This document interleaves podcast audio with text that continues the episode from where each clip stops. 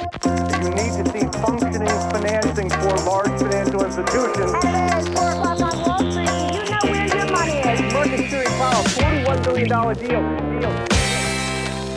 I fjol fick börsen ett nytt investeringsbolag i form av Flat Capital grundat av Klarnas VD Sebastian Simakowski och hans fru Nina Simakowski.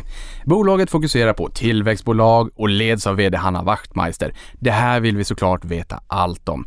Bolaget är listat på First North, har ett marknadsvärde på 611 miljoner kronor, 10 256 avansianer i ägarled och med mig i studion har jag VD Hanna Wachtmeister. Varmt välkommen till podden! Tack snälla. Riktigt kul att ha dig här. Vi börjar som början i vanlig ordning. Vem är Hanna? Ooh. eh, jag eh, är en, eh, hoppas jag, upplevs som en ganska glad och nyfiken person eh, som gillar att ha många järn i elden. Jag gör eh, utöver mitt uppdrag och liv på Flat Capital så har jag två eh, eh döttrar hemma, tvillingar på ska vi säga 15-16 månader. Eh, det är nog kort om mig, det är ungefär vad jag hinner med. Då vet jag vad du har att göra. Jag har två Duracell-kaniner hemma också. Nu sitter du ju och rattar Flat Capital. Intresset för börsen, investeringar, vart föddes det en gång i tiden? Jag har alltid haft intresse för bolag eh, och spännande nya bolag och där har jag väl varit inspirerad från, alltså jag skulle säga så, så lång tid jag kan minnas tillbaka. Min pappa och min mamma pratade alltid om nya spännande bolag och eh, jag vet inte, jag har alltid varit nyfiken på framtidens bolag och sen så har jag dessutom jobbat tidigare liv på SEB där jag jobbade som rådgivare för bolag som behövde ta in kapital, eh, ofta genom en börsnotering. Så att eh, begreppet och kapitalmarknader och aktier är ingenting nytt för mig och någonting som jag tycker är jätte, jättespännande. Då är det ju bra att du jobbar på Flat Capital i och med att ni jobbar med framtidens bolag också. Vi kommer ju komma in mer på det. Det här är ju spännande bolag, drivna entreprenörer. Tillväxt är receptet framåt. Berätta mer om Flat Capital. Vad gör ni för någonting?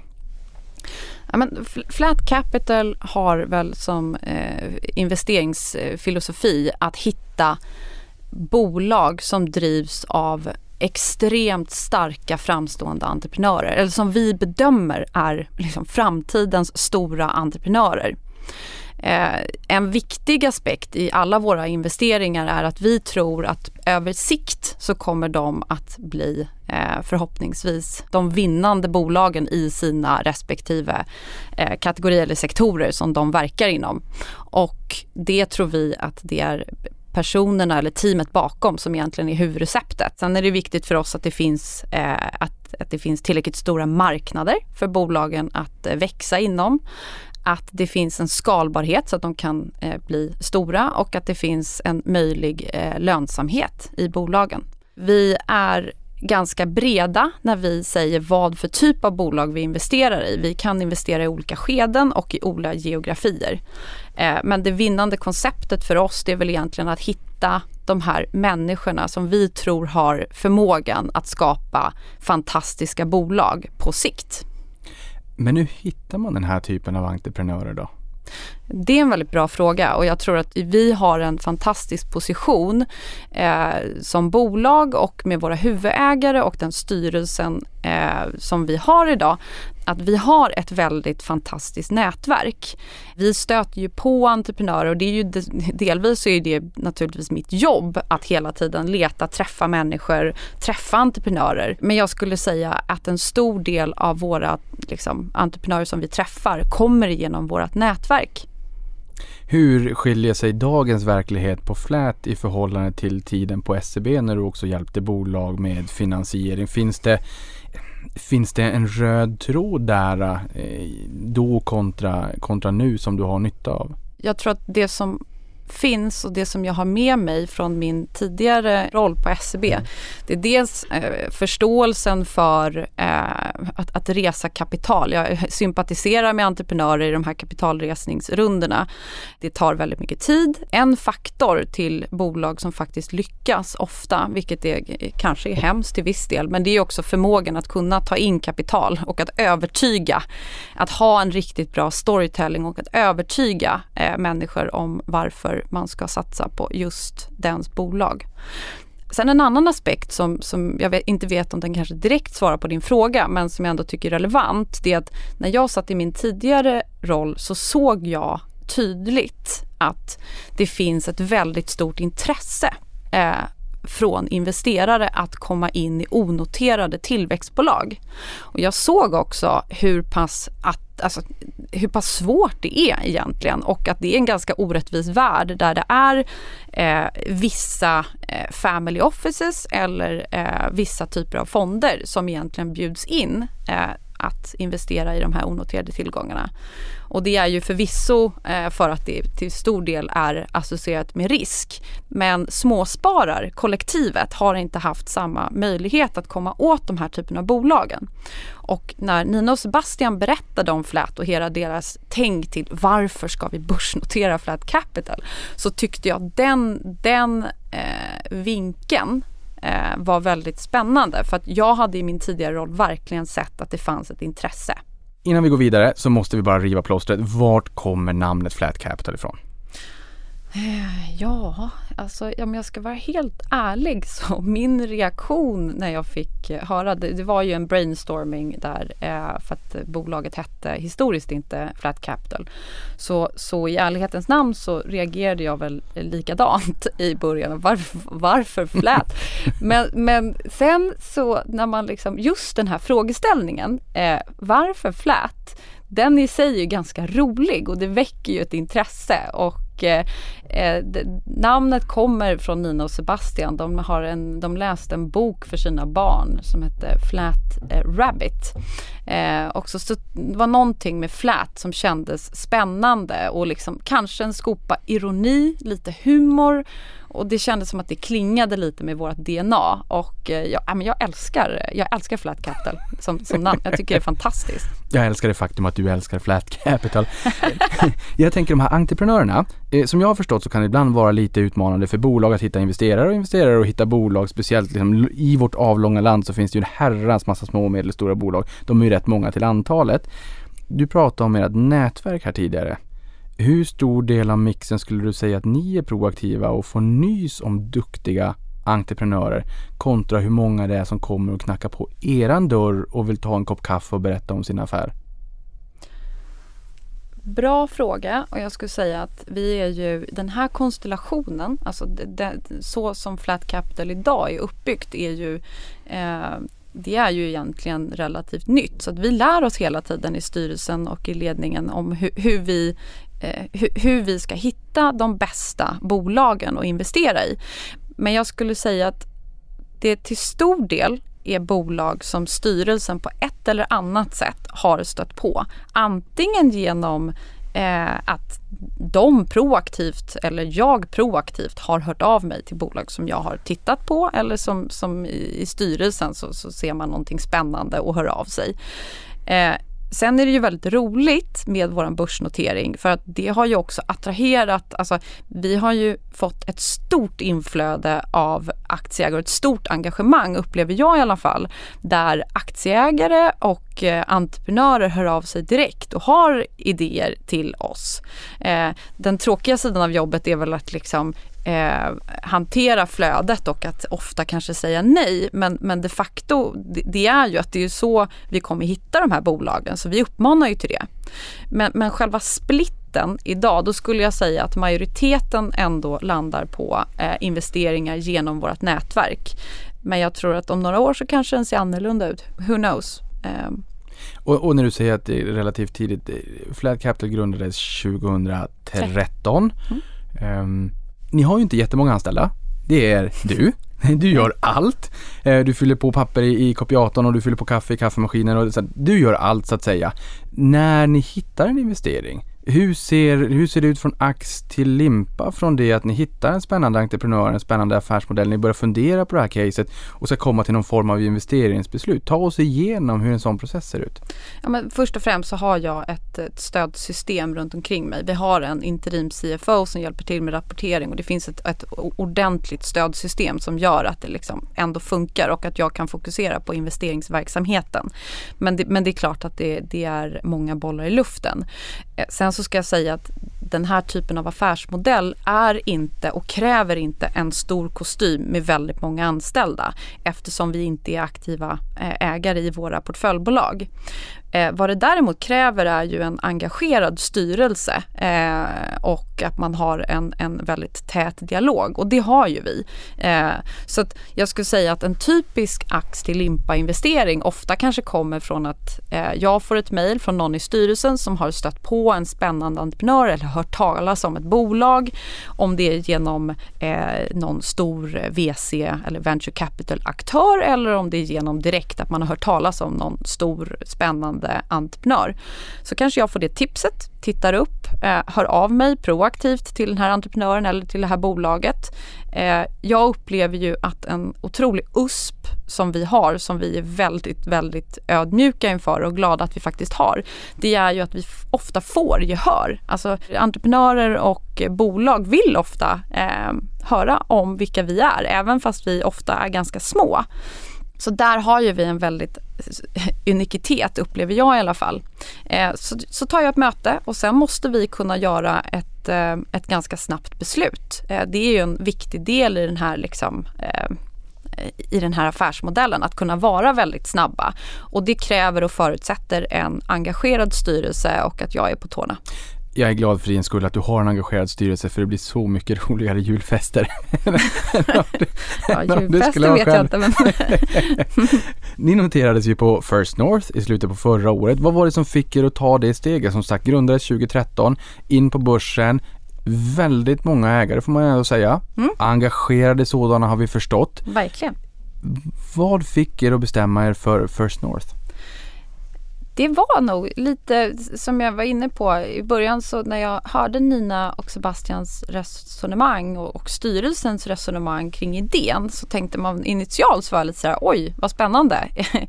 Eh, men sen så tillbaka till det här liksom att det finns en eh, det finns ett väldigt väldigt stort intresse upplever vi liksom i småspararkollektivet att investera i den här typen av tillgång. Så att vi kände att det finns ett stort intresse och eh, där och då så kände vi att vi, vi vill ta in kapital för att kunna göra de här fantastiska investeringarna som vi ser framför oss. Vi har ju en jättestark pipeline och hade då vid, eh, vid noteringstillfället och har nu. Så det är ett sätt att brygga kapital med småsparare och aktieägare helt enkelt. Välfylld pipeline. jag brukar alltid vilja ha breaking news i den här podden men jag, jag får det sällan. Nej, men, men det får man väl, det får jag nog ändå säga och liksom, om det är någonting, vi är väldigt ödmjuka och försöker vara i alla aspekter. Men, men just kring pipelinen så är jag förvånad över den här, det här genomslaget och de här möjligheterna vi faktiskt har att få investera i fantastiska bolag. Eh, och fantastiska bolag finns det gott om. Ja, och du sa ju här tidigare också att ni är passiv ägare. Hur märker man som bolag att ni har kommit in i ägarled? Det skulle jag säga, kanske lite bold att säga, men, men jag tror att det är väldigt mycket upp till entreprenören eh, som vi in, investerar i. Vi kan vara helt eh, omärkbara egentligen eh, och eh, det, det tror jag är att det är egentligen fallet i alla våra investeringar. Sen är vi väldigt tydliga med att vi, vi gillar och har ju en, en passion för de här bolagen naturligtvis. Så att det är klart att vi finns behjälpliga och kan bolla eh, någonting om entreprenören eh, önskar. Men, men vi sitter inte i styrelser och vi är inte märkbara ur, den, liksom, ur, ur, den, ur det perspektivet.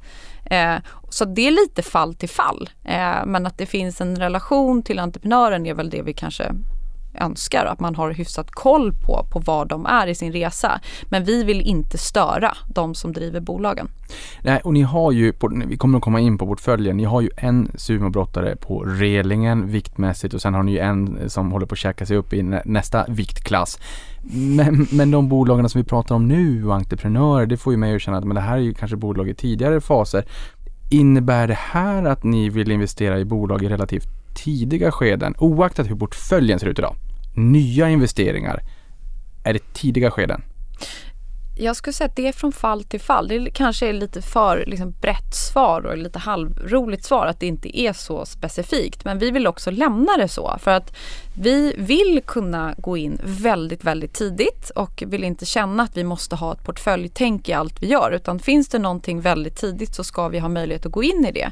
Vi vill också kunna ha möjlighet att gå in i senare tillväxtstadier liksom, i, i bolag som är etablerade eh, och eh, ta Getty som ett exempel. Det är ju en etablerad liksom, ledande aktör idag.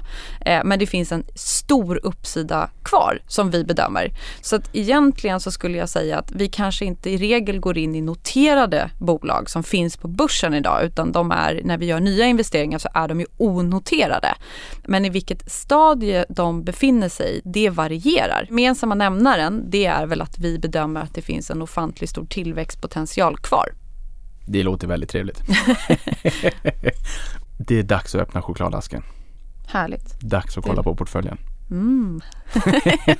hur, hur, ser Okej. port, hur ser portföljen ut i dagsläget?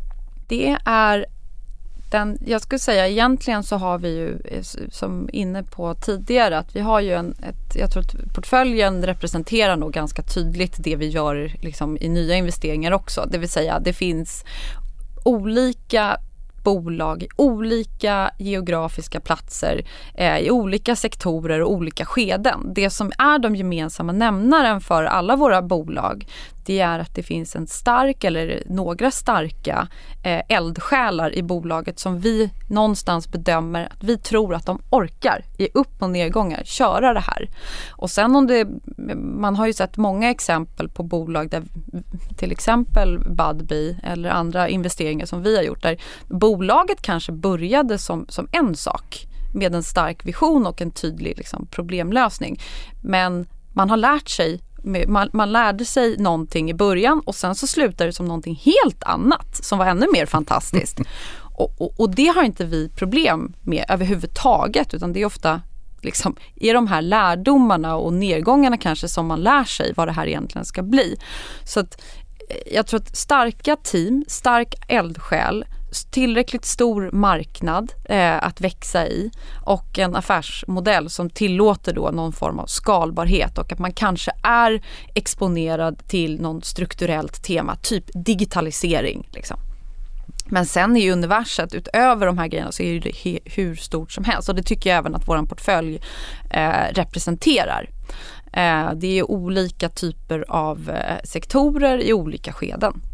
Ja, för det känns ju som de investeringarna ni gör då, ni vill inte vara där och, och, och, och knacka på för mycket utan låt dem köra sitt race. Det känns ju decentraliserat. Ofta historiskt har vi sett att det faktiskt funkar allra bäst. Men hur gör man då för att säkerställa att man bibehåller de här nyckelpersonerna? För det är ju naturligtvis förmodligen en risk om en nyckelperson av någon anledning skulle Mm. lämna bolaget. Och eh, det är ju en risk såklart som vi får vara uppmärksamma för och hela tiden eh, försöka i den mån vi kan följa. Så att det, det, är, eh, det är klart att det är en risk. Eh, ofta så har ju eh, starka personer som, som skapar bolag eh, väldigt mycket bra människor omkring sig också. Ehm, så att ehm, jag skulle säga att jag tror att det finns väldigt starka team omkring de här eldsjälarna utifall det skulle göras byten eller i, i sådana fall. Men vid varje byte och om vi upplever att den här liksom, entreprenören eller de här entreprenörerna som vi har liksom investerat i, om de av någon anledning lämnar så är det klart att vi måste ta och titta på det. Plant Capital grundades ju av Sebastian och Nina Simakowski som vi har pratat om här tidigare och det är ju naturligtvis en tydlig koppling till Klarna. Hur stor del av portföljen utgörs av Klarna i dagsläget? Ja, vid, eh, om man tittar på senaste, vi har ju en lite speciell approach till våran rapportering och eh, jag berättar jättegärna o- om det för jag tror att det är en viktig, det ska man ha ha med sig som investerare. Men, men vi eh, berättar egentligen inte om portföljsplitten och det finns en anledning till det. Men det man kan säga i Klarna-fallet så är det klart att vi har en väldigt starkt heritage från Klarna och vi tycker Klarna är toppen. Och vid noteringstillfället eh, så, så hade... För Klarna? Kommande? ja, exakt, exakt. Nej, men för, för, ehm, för Klarna var då, då hade vi ungefär 77 miljoner i portföljen och ett substansvärde på eh, Eh, dryga eh, 200. Och idag så, så har vi ju, vi har ju annonserat att vi gjorde en ytterligare tilläggsinvestering i Klarna. Så att eh, får man ihop det så skulle man väl kunna säga att eh, vi har väl ungefär då eh, 90-92 miljoner i Klarna och vårt substansvärde eh, per 31 december var ju då på 338 eh, miljoner. Då kan man ju för sig också tycka, nu är ni ju noterade i Sverige och då kan man ju bara skicka ett litet medskick där också om att även Klarna hade ju varit trevligt att ha i Sverige.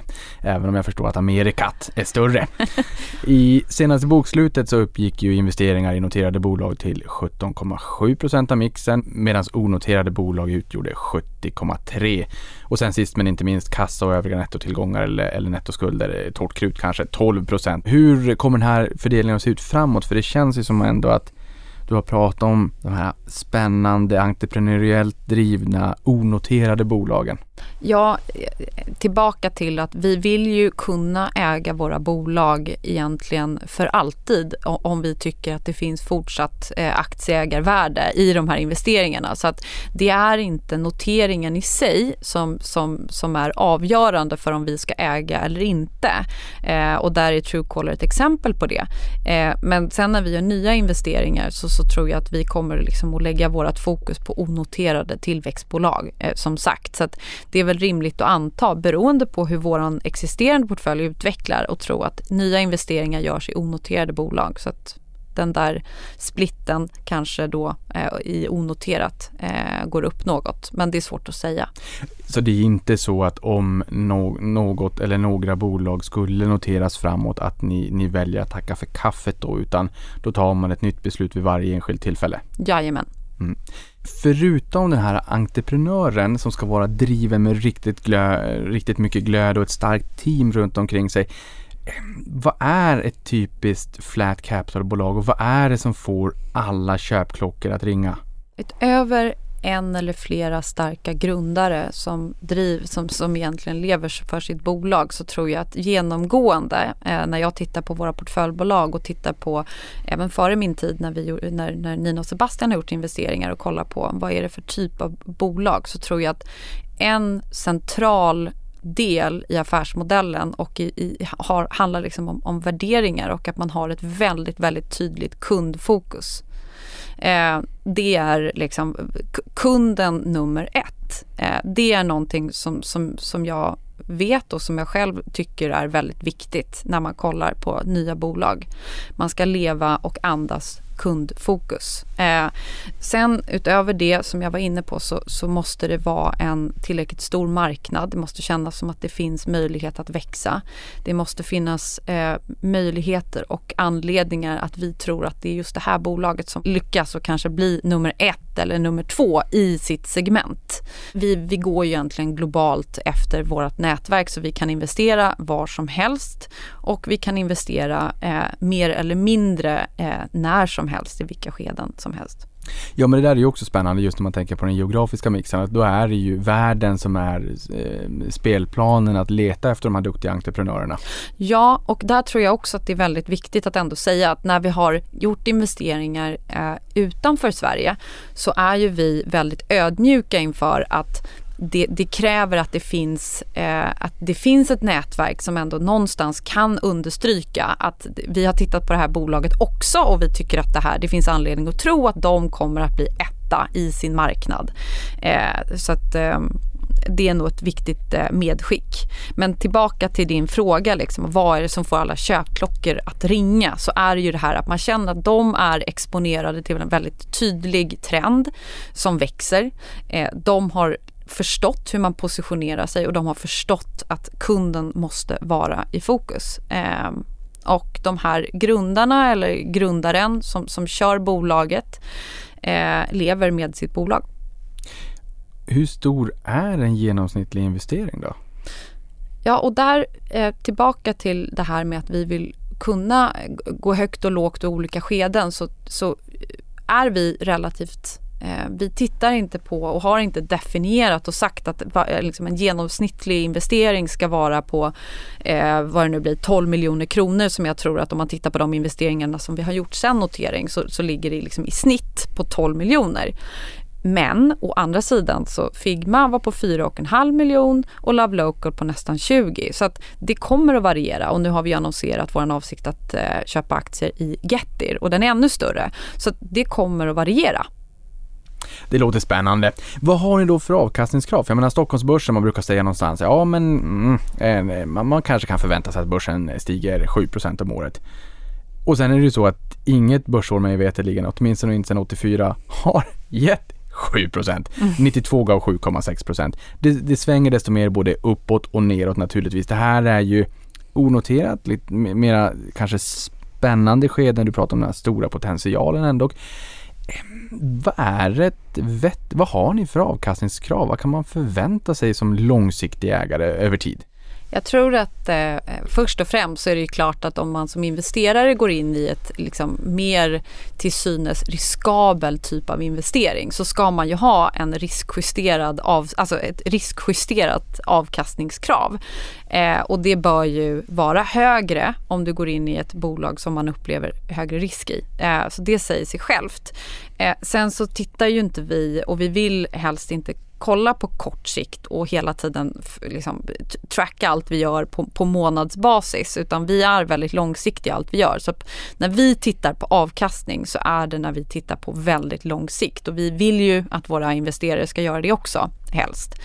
Eh, om man kollar på vad andra VC-aktörer, vi guidar inte på vårt avkastningskrav för övrigt, eh, men, men det man kan säga är väl att ett avkastningskrav liksom kan ju ligga mellan 20-30 procent i de här V-sektorerna. Ännu högre vet jag vissa som har. Så att, eh, eh, det är klart att vi ska ha en... Eh, liksom förhoppningen är ju att vi ska eh, skapa ett högre aktieägarvärde än en liksom, tråkigare typ av bolag eller mer stabil typ av bolag. Så är det absolut. Jag tror i och för sig jag vet lite grann var det här 7 procenten kommer ifrån. Tittar man på Ericsson sedan 1993 så har de gett 7,3 procent om året fram till idag. Tittar man från Jaha. Toppen 2000 så är det minus 7,5 och tittar man Nej. senaste åren, 10 åren, så är det plus 7,3. Nej. Så det är väl Ericsson som har satt standarden. Jag äger inga Ericsson-aktier. så lite mer än så, 15 procent, det vet vi, det vet du som lyssnar på den här podden. Bara den nivån fördubblar pengarna vart 50 år, så det börjar ju hända ganska mycket. Varje procentenhet om man är långsiktig gör ju väldigt stor skillnad. Snittinvestering på 12 miljoner, eh, uppemot 20 på sina håll. Eh, ni har ju för en tid sedan doppat tårna i designverktyget Figma genom mm. en investering på 4,5 miljoner kronor. Jag tänker berätta lite mer om det här. Mina designers, mm. De älskar det här. Mm. De tycker det är fantastiskt bra. Kul! Som aktieägare i Adobe tycker jag att eh, det finns säkert en marknad för båda.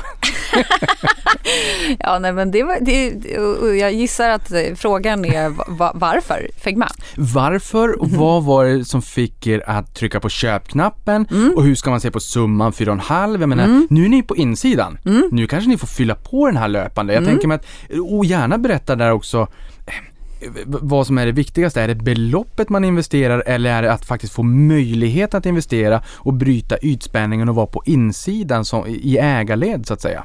Eh, alltså Figma, vi kom egentligen över Figma på samma sätt som du säger, att vi älskar verktyget. Och, och det är ju liksom, vi tycker att det här, det är ju som Google Docs har gjort för liksom det här interaktiva ordskapandet, att man sitter interaktivt och jobbar och skriver i ett dokument väldigt effektivt. På samma sätt har ju Figma öppnat upp en hel fantastisk marknad för att interaktivt och, och, och, och samtidigt kunna jobba på att ta fram en design idag. Eh, så att intresset, passionen och den här liksom förkärleken, den bottnar sig 100% i att vi faktiskt själva tycker och hör andra som tycker att det är ett fantastiskt verktyg som sätter kunden och användarna, det vill säga i fokus. Och det är allt ifrån när vi har pratat runt och, och jag kollar med, med polare och eh, människor man kommer över så är det ju liksom det är små bolag som använder det som tycker att det är väldigt effektivt och snabbt och, och väldigt eh, praktiskt enkelt eh, och väldigt, väldigt avancerat samtidigt. Eh, så att allt ifrån småbolag till stora, väldigt erkända organisationer som sitter och jobbar i verktyget. Så att någonting gör de ju rätt. Och eh, där har du ju liksom en eldsjäl som står bakom bolaget eh, som har väldiga visioner om vart han ska ta det här bolaget. Så det är ett typiskt eh, flätbolag typiskt flatbolag. Nästa investering, då är det 10 miljoner. Vi rör oss upp 4,5 här till 10. Och det är ju Kry i förra, i, i, och det är ju Kry i slutet på förra året. Och här tänker jag, det är ju lite grann det som är intressant med er också, att det är spännande varumärken, Figma för designers och säkert många andra också. Kry, det är många av oss som känner till det, men det är svårt att få exponering mot den här typen av bolag. Mm. Men man får det via er. Vad, vad, vad var det som lockade med Kry?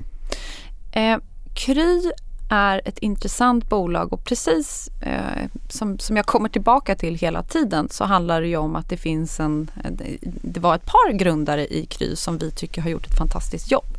Eh, och vi har följt och känner Johannes eh, och tycker liksom att hans starka vision om att skapa ett digitalt eh, och numera också fysiskt vårdbolag som sätter på riktigt patienten i fokus är väldigt spännande.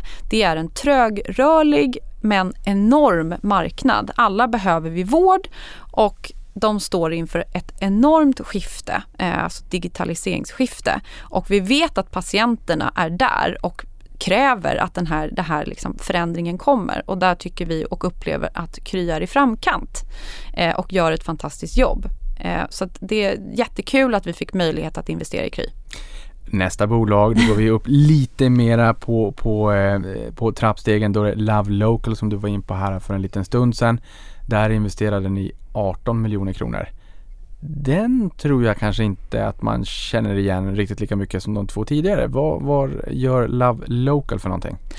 Love Local och, och, det, var, det var egentligen genom Karnska som står bakom bolaget som har grundat det eh, som vi fick möjligheten att träffa när hon var i eh, Sverige faktiskt. Hon är gift med en svensk man.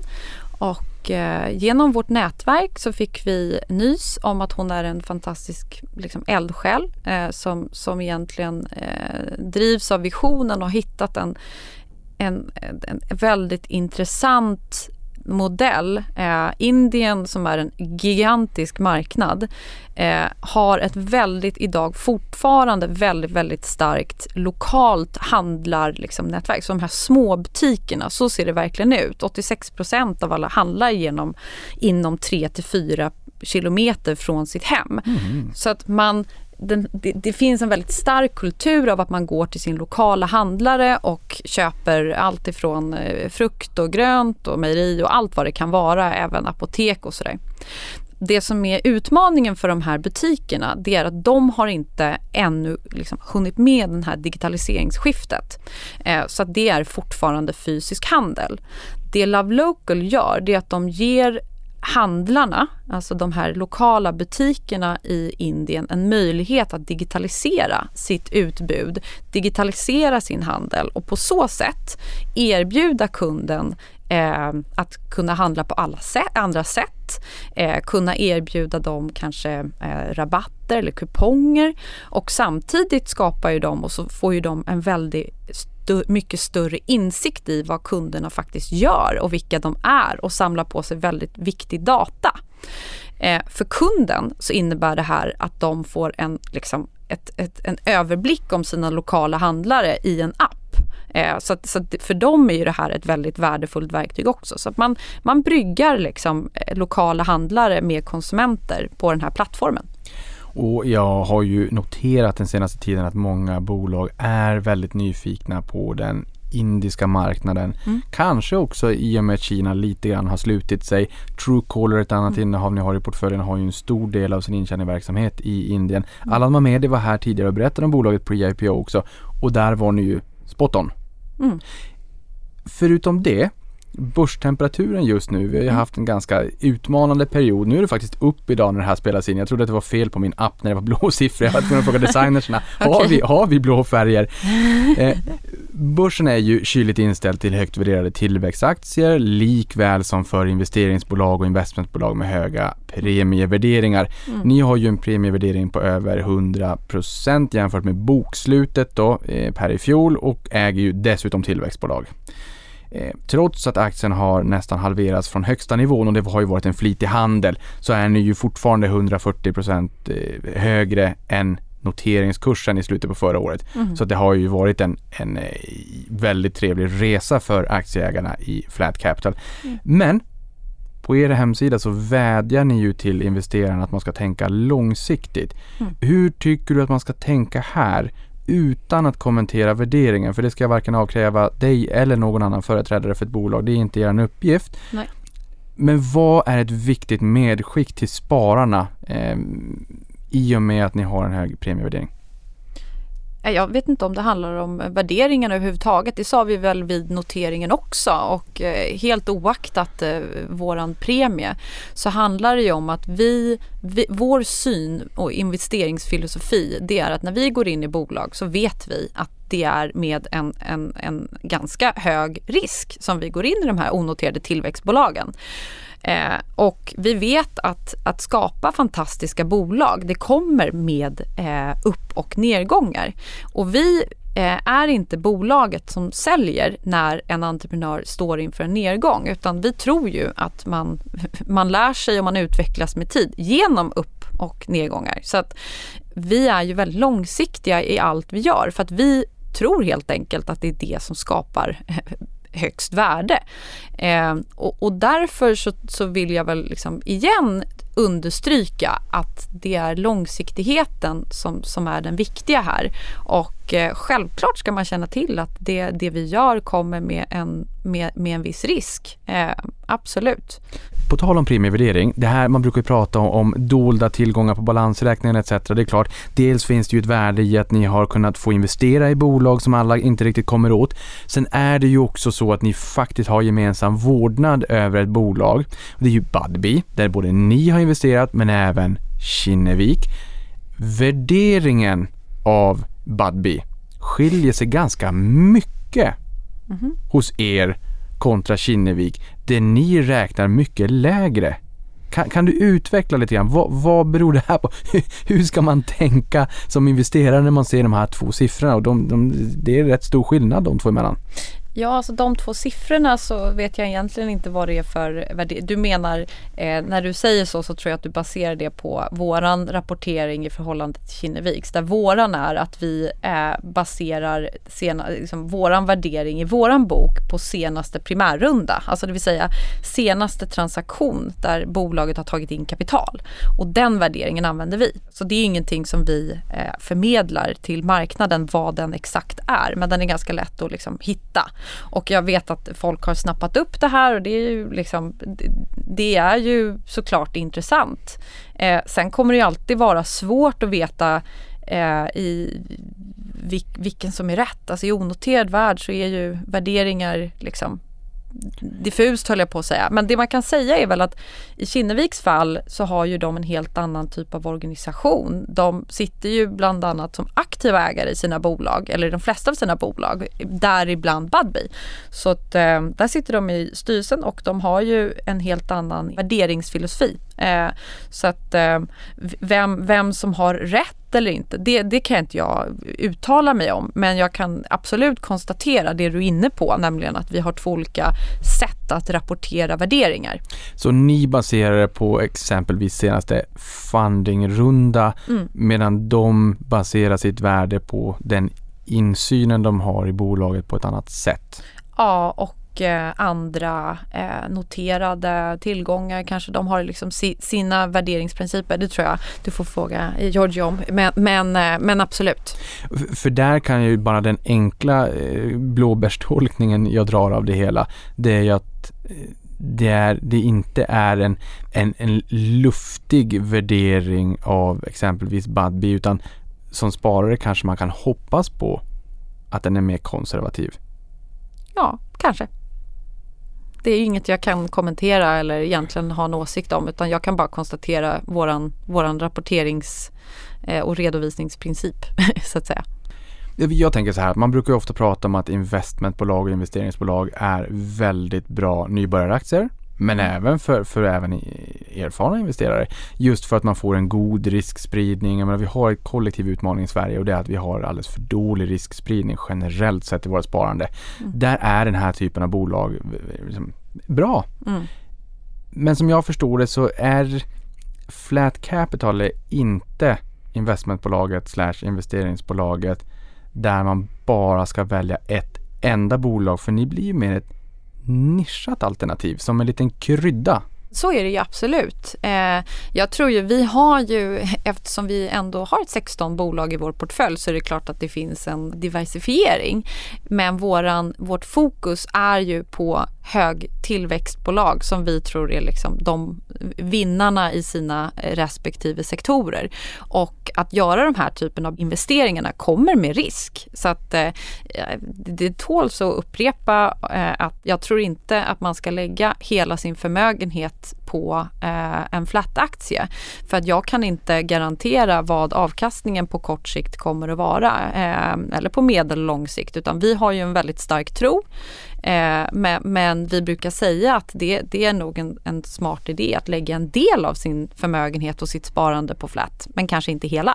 Nej, och det är väl just det där jag tycker är bra också, att man brukar säga att man ha en del av liksom, basen i investmentbolag i ditt sparande. Eh, och det kan man ju ha om det är så att man vill det och man får en god riskspridning. 16 innehav, det är som en UCITS-fond, det är som klippt och skuret. Men just det här att risken i er portfölj är högre och det tycker jag också att ni är väldigt tydliga med på er hemsida. Att våra grundare med, med Sebastian och Nina, de har en del av sin förmögenhet här, inte allt. Mm. Och att man också kan ha en del av sin portfölj och sitt sparande i flat capital för att få den här cayennepepparkryddan, lite högre risk, ja. men risk och avkastning hör ihop. Ja. I och med att du pratade om tidigare den här väldigt stora potentialen över tid som ni ser i bolagen och entreprenörerna som ni investerar i. Mm. Så jag tycker att det är bra att ni också påminner om den eh, risken och hur man ska förhålla sig till, ja. till flat. Ja, Nej men som du var inne på, Ericsson är ett fantastiskt bolag men väldigt stabilt och väldigt moget. Det är ju inte den typen av bolag som vi investerar i. Har prislapparna kommit ner i de bolagen som ni, investerar, som ni är nyfikna på att investera i då? För att tillväxt har tagit rejält med stryk. Mm. Har ni sett att prislapparna har påverkats? Jag tror så här, alltså makro, det, det som försiggår och jag är inte expert på det här. Vi pratade ju om det lite innan vi började eh, spela in och det, det är ju väldigt, väldigt mycket som händer och det är väldigt svårt för, för mig i alla fall att eh, spekulera i vad som kommer att hända även om jag naturligtvis har väldigt stor respekt för vad som försiggår. Eh, det är klart att när det skakar så finns det ju en tendens att eh, skapa möjligheter. Så osäkerhet skapar ofta möjligheter. Och eh, det hoppas vi att få se. Sen de typer av processer och de bolag som jag talar med just nu, de har ofta eh, så pass eh, framstående eh, aktörer eller VC-aktörer som är investerade i sig och de är ändå ofta, eh, kanske det finns anledning att tro att de är eh, de som kommer lyckas och bli nummer ett, världs, världsettorna. Och eh, där tror jag att värderingarna är höga och eh, det, så är det. Eh, men har man tillräckligt liksom, lång sikt i sina investeringar, vilket, vilket vi har när vi går in i bolag, så eh, så ser vi ju fortfarande en stor uppsida. Ja, och, och, där kan man väl säga, vi pratade ju om portföljen här tidigare och Klarna känner ju de flesta av oss till. Truecaller kom nyss till börsen, Love Local har vi pratat om, Kry, Figma. Sen bara för dig som lyssnar på det här så kan vi säga Lyst, Pangaya, Omeo, Nylas, Flow, True Accord, Steven, Prion, CDLP och Uniplaces. Ett bolag som jag tror att väldigt många känner till men som vi inte har pratat om det är ju Budbee. Mm. Berätta lite mer om, om Budbee och vad det var som lockade där. Eh, den investeringen, där var, det ju, där var det ju Fredrik som lockade, helt klart. Eh, det kändes som att eh, han som eh, entreprenör och grundare var eh, fast besluten om att eh, lösa ett problem och eh, det som är intressant när jag lyssnar på, eller jag tar med mig, jag lär mig väldigt mycket i mitt jobb och eh, lyssnar väldigt ödmjukt inför andra som har gjort investeringar i många år.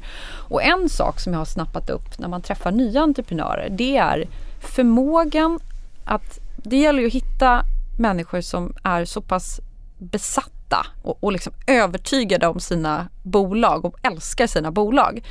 Men samtidigt har den distansen att man ändå kan ta till sig feedback och lyssna.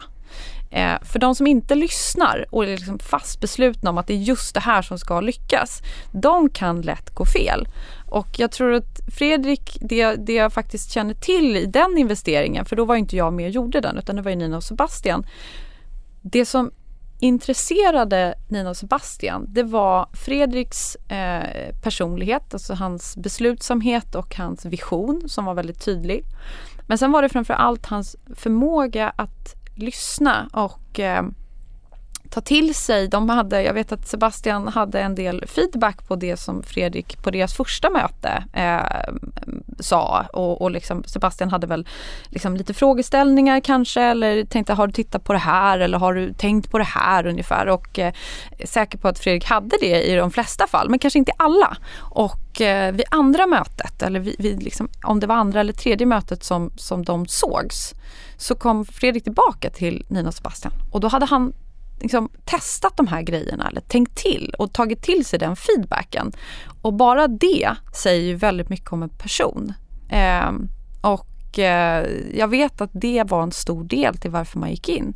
Och när man investerade i Budbit 2013 så var inte det samma bolag som det är idag. Eh, utan det har ju verkligen vuxit fram, vilket är helt fantastiskt. Och han är ju fortfarande lika dedikerad och eh, lika beslutsam. Så att eh, det är ju en fantastiskt rolig investering. Kul! Ni har ju precis aviserat att ni tar in nya pengar. Totalt Mm. tar ni in 190 miljoner kronor före kostnader via en företrädesemission då för befintliga aktieägare och meddelar då samtidigt att ni ska investera upp till 47 miljoner kronor i tech och leverantörsbolaget Getir som du pratade om här nyss. Då inser vi ju 12 snittsiffror där någonstans. Det här är en ganska stor investering för er ändå. Mm. Vad är Getir och vad lockar det här då?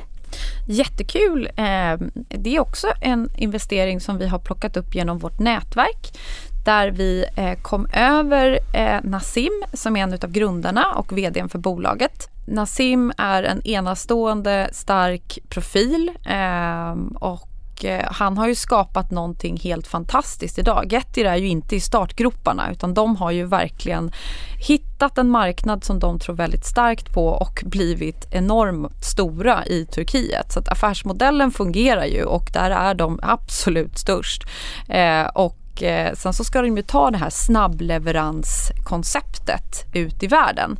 Och det man kan säga det är väl att liksom, det, det de egentligen har identifierat här det är väl Amazon introducerade ju eh, 2005 tror jag det var den här Prime-tjänsten och många ifrågasatte att oj oj oj okej men eh, det kommer ju vara jättedyrt för Amazon att satsa på leverans inom två dagar.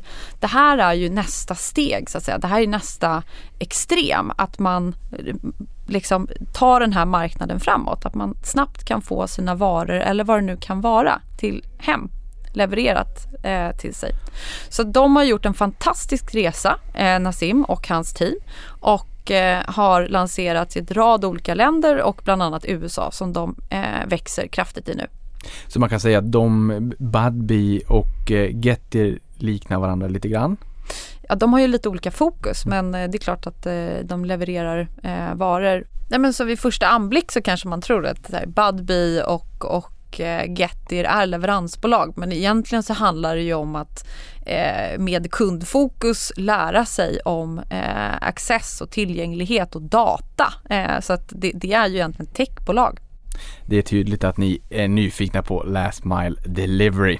Och det inser vi också i, i Sverige. Det var ju 85% av svenska befolkningen e-handlade under pandemin. Det var en, en jättestor skjuts och det har vi väl sett globalt också. En större sektorkollega till er heter Kinnevik. Mm. Eh, de har ju en guldkalv eller kassako i form av Tele2 som ger goda utdelningar som kan finansiera investeringar i tillväxtbolag. Kan Klarna eller Truecaller möjligtvis bli en kassako som ni kan i framtiden förlita er på att få trevliga utdelningar som kan finansiera vidare nyinvesteringar eller tilläggsinvesteringar i befintliga innehav?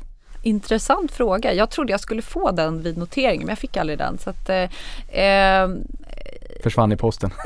försvann i posten. Nej men ärligt talat så är det, det är nog frågeställningar man får ställa till Truecaller och Klarna. Mm. Eh, de är ju båda i tillväxtskeden och fokuserar ju på det. Så att eh, eh, så är det. Det är ingenting vi har eh, räknat med i våran, eh, våran uppsättning eller i våran affärsmodell att eh, vi ska leva på utdelningar från varken Klarna eller Truecaller. Nej, men för det här jag tänker lite grann, det, det är ju lite trevligt ändå att ha ett, ett Tele2 får utdelningar Mm. eller att Balder med Erik Selin, att ha 58% hyresbostäder och få in de pengarna och kunna bygga nytt etc. Nu, nu kanske inte bolagen i Flat Capital befinner sig där idag.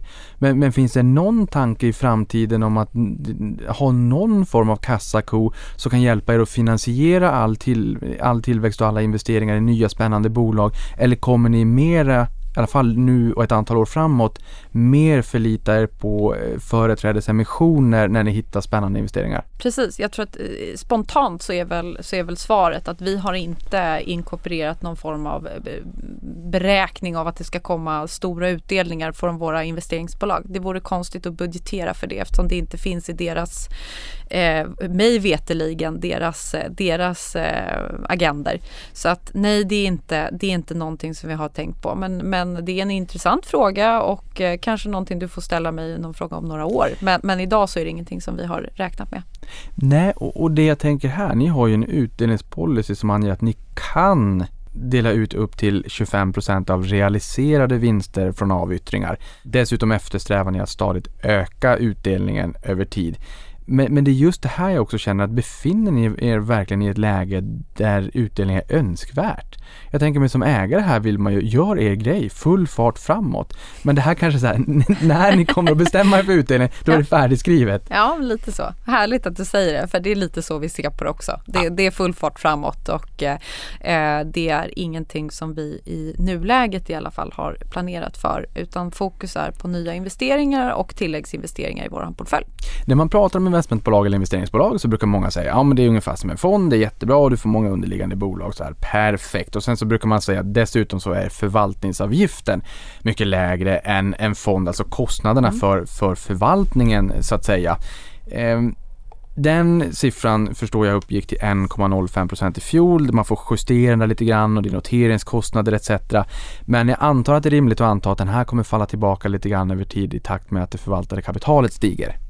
Ja, och det här är en jättestark liksom, värdegrund som vi har i, i allt vi gör. Vi, vi, vi ser ju och vi tittar på privata aktörer, typ VC-aktörer eller private equity-aktörer eller de typer av bolag som faktiskt får möjlighet att investera i onoterade tillgångar.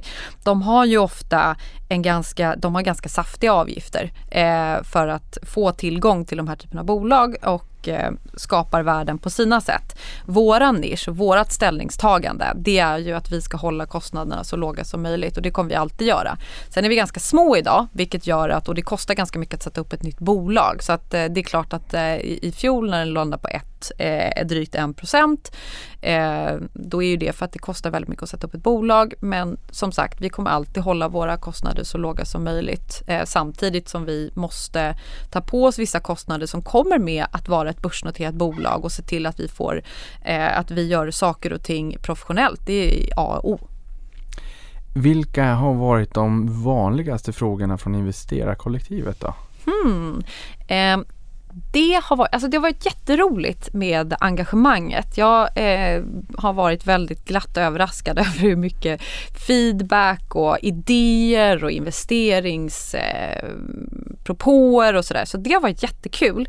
Eh, frågeställningarna eh, har varit eh, relativt blandade. En vanlig som jag får, som jag har väldigt stor respekt för att vi får, det är väl hur ser uppdelningen mellan era respektive innehav ut? Till exempel hur stor är eh, Klarna av er portfölj eller eh, vad är värderingen av eh, X bolag? Det är den vanligaste frågan och, eh, och den förstår jag och har väldigt mycket respekt för eftersom det är inte någonting som vi är särskilt tydliga med. Anledningen till och varför vi inte är tydliga med de här grejerna och varför vi rapporterar när vi gör nya investeringar så rapporterar vi eller annonserar vi det eh, och hur mycket vi går in med. Eh, vi rapporterar vårt substansvärde, alltså våran total naturligtvis. Eh, men det är, har vi märkt, att för att få tillgång till de här bolagen som är väldigt svåråtkomliga så finns det en, en stor önskan från entreprenörerna att eftersom vi är noterade så önskar de att man inte är jättetransparent med värdering, upp eller nedskrivning om det skulle ske eller olika typer av händelser ur konkurrensperspektiv eh, eller att man sker av, av olika anledningar skulle man kunna säga. Så att det är våran och för oss, för att kunna skapa aktieägarvärde, så ligger det i vår natur att vi måste fortsätta få möjlighet att göra de här investeringarna. Och, och, och det, då, då, ut, då behöver vi helt enkelt förhålla oss till den typen av rapportering. Så det är en vanlig fråga som ofta får ett ganska tråkigt svar, nämligen att jag inte kan ge liksom, den hela eh, paletten eller hela eh, bilden. Det är ett litet mystiskt skimmer och det består.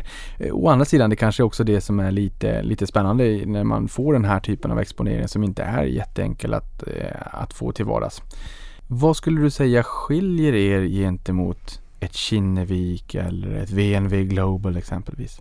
Kinnevik har ju ett Eh, ett, ett väldigt stort team eh, på plats. De, de, gör sina egna värderingar. De sätter sig aktivt i eh, sina bolag. Och eh, Budbee är ett bra exempel på det där de sitter i styrelsen och det gör inte vi till exempel. Vi har helt enkelt valt att ta en annan väg. Vi, vi tror att vi får tillgång till fantastiska bolag och vi tror att vi håller, för, för oss eh, så håller vi affärsmodellen väldigt, väldigt lean. Hur ser ägarbilden ut i bolaget då? Ja men den är ju starkt, eh, Nina och Sebastian är ju starka huvudägare eh, och även Amoride de Porret som sitter i styrelsen har drygt 2,3 eh, procent av bolaget. Så att idag äger Nina och Sebastian drygt 62 procent. Eh, så ser det ut. Följer du pilotskolan? Ja, om du menar eh, alltså pilotskolan innebär att jag eh, som VD är investerad i bolaget. Det är helt korrekt. Ja, du kan, ju inse hur många gånger jag har frågat det här både till svenska VD på svenska bolag men även kanske nordiska och ibland har de ingen aning om vad det är och, och det är jättemånga diskussioner om pilotskolan mm. men du nailade den. Ja, skönt. Tack. eh, nej men, eh, ja, absolut i den bemärkelsen att jag är investerad så mycket som jag kan vara investerad och har ett attraktivt optionsprogram. Så att ja, jag följer absolut eh, pilot skolan. ja, nej, inget bolag nämnt, inget glömt, men det har varit fantastiska skratt här i studion när, när liksom poletterna trillat ner för vissa VDR, när de aldrig hört det här begreppet tidigare, det hade du gjort. Mm. Var befinner sig Flat Capital om fem år tror du? Jag hoppas att vi är eh, betydligt större, att vi har eh, gett eh, fantastisk avkastning till våra aktieägare och eh, jag tror att eh, vad gäller liksom portföljinnehaven så hoppas jag att vi har kvar samma eh, investeringar som vi har idag. Att vi har, om de inte har blivit uppköpta eller någonting, att de har, det har hänt någonting med dem såklart. Men jag hoppas att de investeringar och portföljbolag vi har finns kvar eh, och blivit betydligt mycket större. Och att vi har gjort eh, en rad med roliga investeringar. Det låter underbart. Hanna, tusen tack för att du kom till podden och berättade mer om Flat Capital. Tack snälla för att jag fick komma hit. Och stort tack för att du lyssnade på det här.